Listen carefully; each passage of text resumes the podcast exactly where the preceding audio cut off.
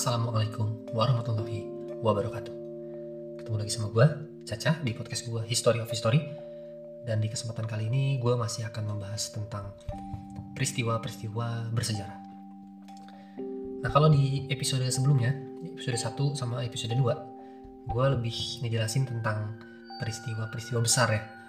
Kalau di episode 1 gue cerita tentang uh, 33 penambang Chile yang terkurung dalam tanah selama 69 hari terus dia berhasil selamat di hari 6 ke 69 terus di episode 2 gue bahas tentang tragedi Hazel di mana supporter Juventus bentrok sama supporter Liverpool yang menyebabkan stadionnya roboh. Terus 600 orang luka-luka 39 orang meninggal. Nah itu peristiwa-peristiwa yang besar kan? Nah kalau di episode 3 sekarang gue agak beda nih. Gue mau menjelaskan sebuah peristiwa yang kecil peristiwa sederhana tapi e, mengandung sebuah pembelajaran dan pertunjukan akhlak yang sangat-sangat luar biasa. Sesuai judulnya, 20 tahun menampung air pipis tetangga. Nah, gimana sih ceritanya? Oke, daripada penasaran, langsung aja kita mulai ceritanya. Jadi tokoh yang akan gue ceritain pada kesempatan kali ini itu namanya Imam Hasan Al-Basri. Dia tuh seorang ulama tabi'in. Dia lahir di Madinah tahun 21 Hijriah atau 642 Masehi. Wah, ini jadul banget nih. 642 Masehi. Dia seorang ulama tabi'in. Nah, buat lu yang belum tahu ulama tabi'in itu apa sih maksudnya? Nah, gue coba bantu jelasin ya. Sebenarnya ada beberapa pendapat. Gue coba ambil salah satu pendapat. Jadi lu tahu kan istilahnya sahabat Rasulullah. Nah, tahu kan? Masih pernah dengeran. Nah, apa sih sahabat Rasulullah itu apa sih artinya? Teman dekatnya Rasulullah?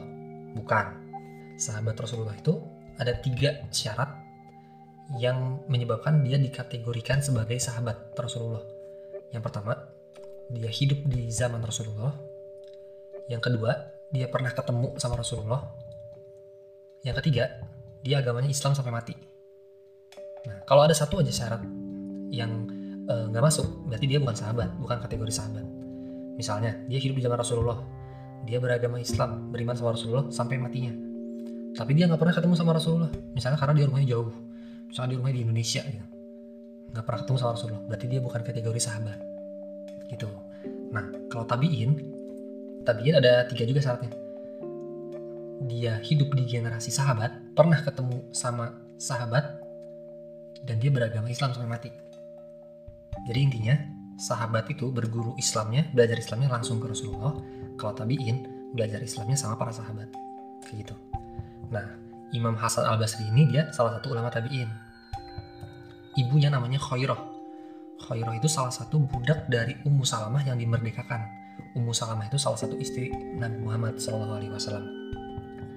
Nah, jadi dia masa kecilnya nih di rumahnya Ummu Salamah. Terus dia sering bergaul sama istri-istri Nabi yang lain karena kan istri-istri Nabi kan rumahnya berdekatan ya. Jadi terus dia pernah e, berguru Islam juga sama Utsman bin Affan, Abdullah bin Abbas, Abdullah bin Umar, Ali bin Abi Thalib, ini sahabat-sahabat yang terkenal banget kan ya. Jadi intinya dia lingkungannya positif banget. Lingkungannya Hasan Al Basri ini positif banget. Jadi membentuk dia jadi seorang yang sangat positif dan dia akhirnya jadi seorang ulama besar. Nah setelah dimerdekakan, akhirnya dia pindah ke Irak. Pas umur 14 tahun dia pindah ke Irak. Dia tinggal di sebuah kota namanya Basroh.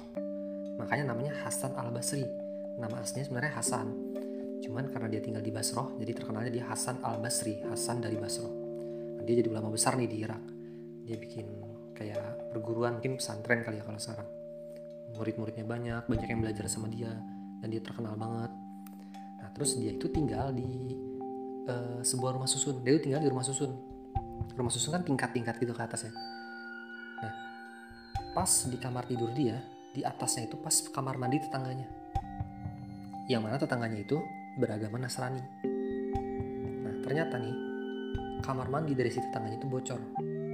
Jadi air pipisnya, air kotoran kamar mandinya itu netes ke pas ke kamarnya Hasan Al Basri. Pertama kali dia ngeliat, wah ini bocor nih, netes. Akhirnya dia uh, suruh istrinya buat nyiapin wadah buat nampung supaya nggak becek. Ditampung sama dia air pipisnya sampai penuh, terus dibuang sama dia keluar. Besoknya gitu lagi besoknya gitu lagi sampai jadi rutinitas selama 20 tahun. 20 tahun dia menampung air pipis tetangganya tanpa sekalipun dia tegur tetangganya. Karena dia sangat menjaga perasaan tetangganya. Dia nggak mau nyinggung tetangganya dia nggak mau negor. Nah sampai suatu hari Imam Hasan Al Basri sakit. Ditengokin sama tetangganya yang di atas yang beragama Nasrani itu. Dia nengok dia masuk ke kamar. Dia ngeliat ada ember sama ada tetes-tetes air dari atas. Dia kaget. Wah ini kamar mandi gua nih bocor. Dia langsung nanya wahai imam dia sambil panik kan nggak enak dong.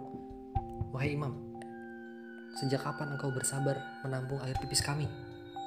Imam imam masalah basi diem. Wahai imam tolong jawab. Sejak kapan engkau bersabar menampung air pipis kami? Karena ditanya akhirnya imam Hasan Abasi jawab 20 tahun. Tetangganya itu kaget, shock, langsung dia melontarkan sebuah pertanyaan yang paling standar. Semua orang yang ada di posisi dia pasti nanya pertanyaan itu. Kenapa Anda nggak bilang? Ya kenapa nggak bilang gitu? Ini bocor, lu kenapa nggak bilang gua? Akhirnya Hasan Al Basri, Hasan Al Basri jawab, dia mereplay uh, dengan sebuah hadis Rasulullah tentang kita harus memuliakan tetangga. Jadi kan hadis tentang memuliakan tetangga banyak ya. Ada misalkan Barang siapa beriman kepada Allah dan hari akhir dan hari akhir, maka muliakanlah tetangganya.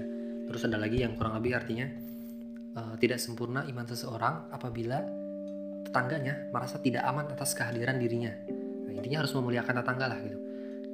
Nah, dia replay salah satu hadis itu dan tetangganya pun langsung nangis. Terus dia peluk Hasan Al Basri sambil ngomong, masukkan aku ke dalam agamamu. Dan akhirnya pun sang tetangga pun masuk Islam sebuah pertunjukan akhlak yang luar biasa banget menurut gue jadi Hasan al Basri itu saking takutnya dia sama Allah sampai dia nggak mau nyinggung perasaan tetangganya karena dia dia khawatir keimanan dia terganggu kualitas iman dia menurun hanya karena dia menegur tetangganya sampai dia bersabar atas cobaan itu selama 20 tahun. Nah sekarang gimana nih? Gimana kalau besok tetangga kita bakar sampah terus asapnya masuk ke dalam rumah kita?